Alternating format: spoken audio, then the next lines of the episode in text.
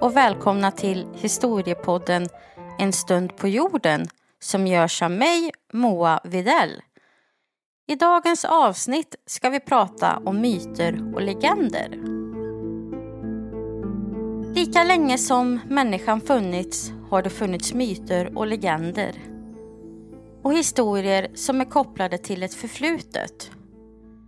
Vi kan se dem i ett religiöst sammanhang där det berättar om gudar, människors uppgång och fall, hur man ska leva, om frälsning och om undergång. Dessa myter ger ofta tröst och mening till människor. Och De här berättelserna är inte beroende av tid eller rum utan har en flytande tillvaro. Det är en anledning till att vissa myter och legender kan fortsätta att berättas och frodas oberoende av just tidsålder. En myt har alltid sina egna symboler, ett eget bildspråk och består ofta av övernaturliga inslag och ofta andra världar där jordens fysiska lagar inte gäller. Som människa kan det vara svårt att förstå. Det är därför ganska viktigt inom religiösa myter att det finns någon som kan uttolka dess betydelse. Någon som kan avkodifiera symbolerna och ge dem mening i det verkliga livet. Självklart så finns det myter som inte har en religiös prägel. Här finner vi bland annat sagor som är ett vanligt inslag i alla kulturer världen om. Dessa myter är inte till för att uppfostra eller stävja människor utan har istället en underhållande prägel. Dock så kan man finna en stor portion vetskeplighet i de här berättelserna. Vi lever också idag med moderna myter. Det här karaktäriseras av felaktig fakta som gemene man tror är sant. Vi har nog alla hört om att man kan se den kinesiska muren ifrån månen, vilket inte stämmer. Eller om att om du sväljer en äpplekärna så kan den slå rot i din mage. Och alla har väl hört av sina föräldrar någon gång att nej, du ska inte bada efter att du ätit, för då kan du minsann få kramp. Vilket inte heller stämmer. År 1986 så gav Bengt av Klintberg ut boken Råttan i pizzan. Där han på ett underhållande sätt presenterar moderna myter. Den kan jag rekommendera till er att läsa om ni vill ha lite lätt förströelse. Men nu ska vi hoppa tillbaka hundratals år i historien och bekanta oss med en rysk myt som jag ska presentera för er.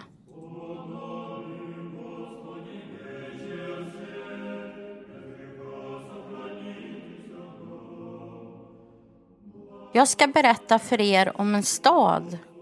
En stad vars anor säger sig sträcka sig tillbaka så långt som till Kristi födelse och kanske redan innan dess. Staden heter Kiters och ligger vid sjön Svetlojar i södra Ryssland. Men Kiters är ingen vanlig stad. Den existerar nämligen inte. Inte i alla fall fysiskt. Staden finns bara i fantasin. En fantasi som levt och frodats ända sedan 1600-talet. Ändå har staden kommit att betyda väldigt mycket för Rysslands befolkning. Så har den funnits? Och varför har den kommit att bli så betydelsefull? Och för att få en mer tydlig bild av det här så tänker jag nu berätta vad myten om Kiters faktiskt säger. På 1200-talet sägs det att det har utkämpats ett blodigt krig i Ryssland. Tartarerna med kanen Batu i spetsen närmade sig staden Kiters som stod helt försvarslös.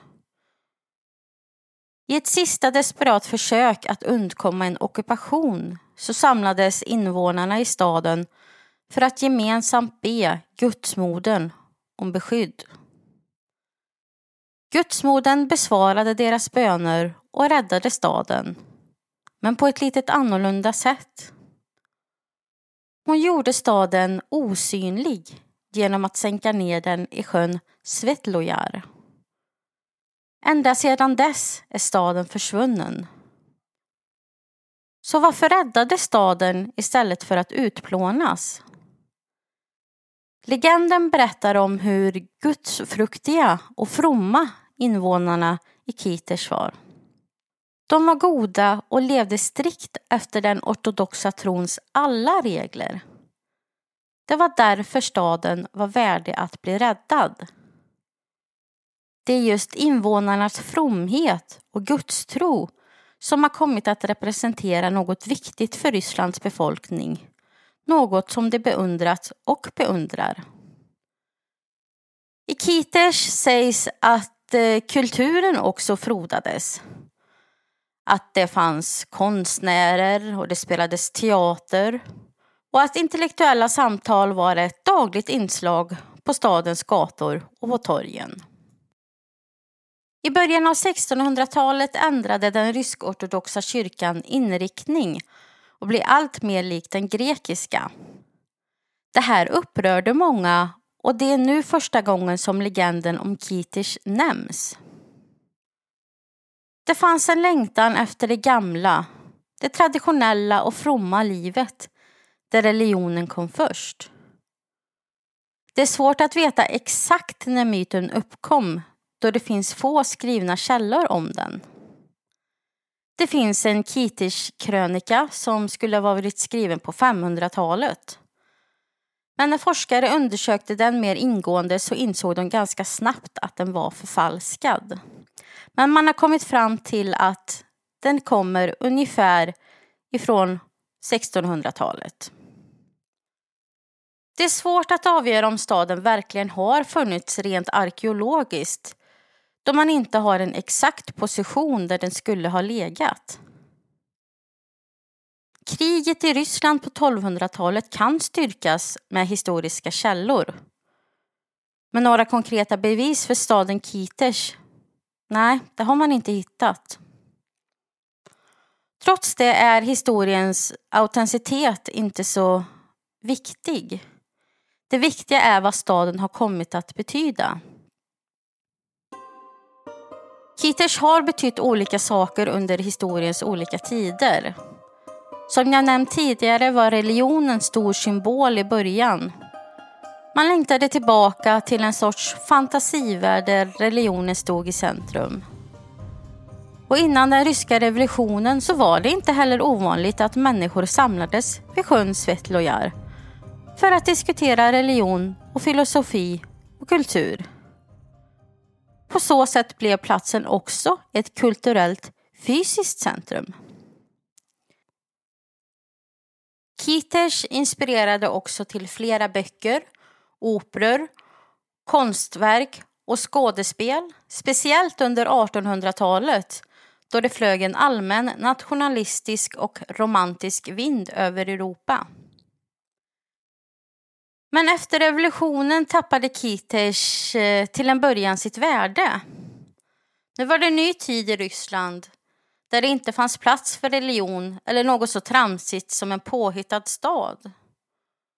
Kommunisterna ville bara se framtiden och inte blicka bakåt. Och man ansåg att den gamla religionen stödde tsarregimen. Trots det så försvann aldrig myten. Den började smyga sig in i dikter och i litteraturen igen och fick nytt fotfäste.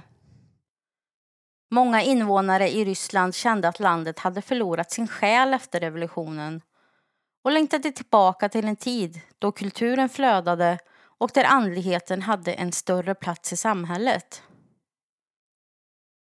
De som kritiserade kommunistregimen tog fasta på de apokalyptiska undertonerna som fanns i myten att något som har varit kan försvinna och upplösas. Det kunde ses som en varning att om man inte levde rätt så kanske man inte skulle bli räddad. Det finns också en intressant liknelse som framkom i litteraturen på 1800-talet. Jämte Kitesh så nämndes Sankt Petersburg som en systerstad. Båda är byggda vid vatten, men där slutar likheterna. Istället för att vara en from stad så är Sankt Petersburg den totala motsatsen.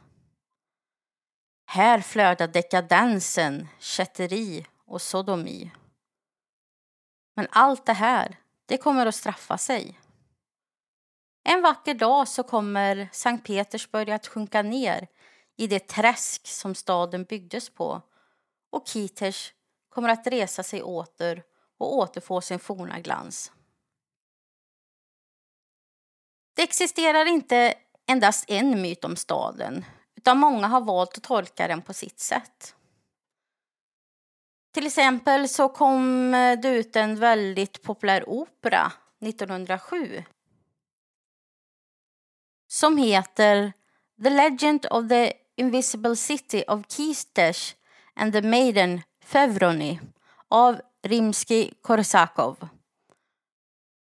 Det är en dramatisk berättelse om en jungfru som går under med staden. Operan innehåller fruktan, kamp och fromhet. Och det är ofta det som många kopplar ihop med historien om Kitish.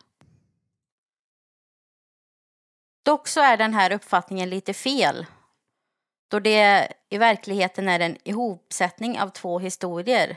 Legenden om Kitish är en egen berättelse, likaså den om jungfrun. Men det här visar på hur man använt myten på olika sätt i kulturen. Hur ser då myten ut idag? Under 1900-talet har den stått för en kamp mot det kommunistiska systemet men efter Sovjetunionens fall har den fått en större andlig betydelse och har på flera sätt blivit ganska så kommersiell. Det går ständiga turistbussar till sjön Svetlojar där man kan bli guidad och få myten berättad för sig. Det är också ett vanligt pilgrimsmål för ortodoxa ryssar. Det anses stort att få komma till en plats där ett sådant mirakel skedde. I övrigt är det vanligt att se namnet Kitesh lite överallt i Ryssland.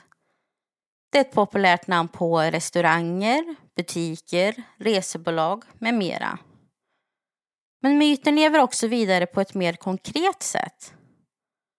Varje år samlas det flera hundratals människor vid Svetlojars stränder och knyter kransar som de sedan lägger i vattnet. Efter det går de runt sjön i en procession där de bär på en ikon av den heliga gudsmodern. Och myten berättar att om man är andligt ren så kan man skymta staden under vattenytan. Man kan också höra de gamla kyrkklockorna spela. Och skulle man träffa på en björn vid Svetlojar ska man inte bli rädd. För det är en av stadens väktare som kan visa dig var staden ligger. Jag tänker avsluta med ett citat ur en avhandling om Kiters som kom för några år sedan och som sammanfattar myten om staden ganska så bra.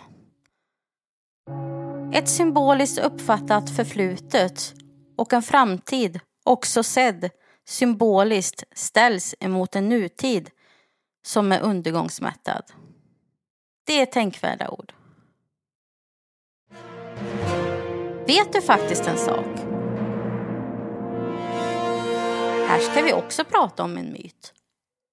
Titanics ägare sa aldrig att skeppet var osänkbart. Trots vad James Camerons ikoniska film från 1997 kan få dig att tro så sa ägarna aldrig att skeppet var osänkbart.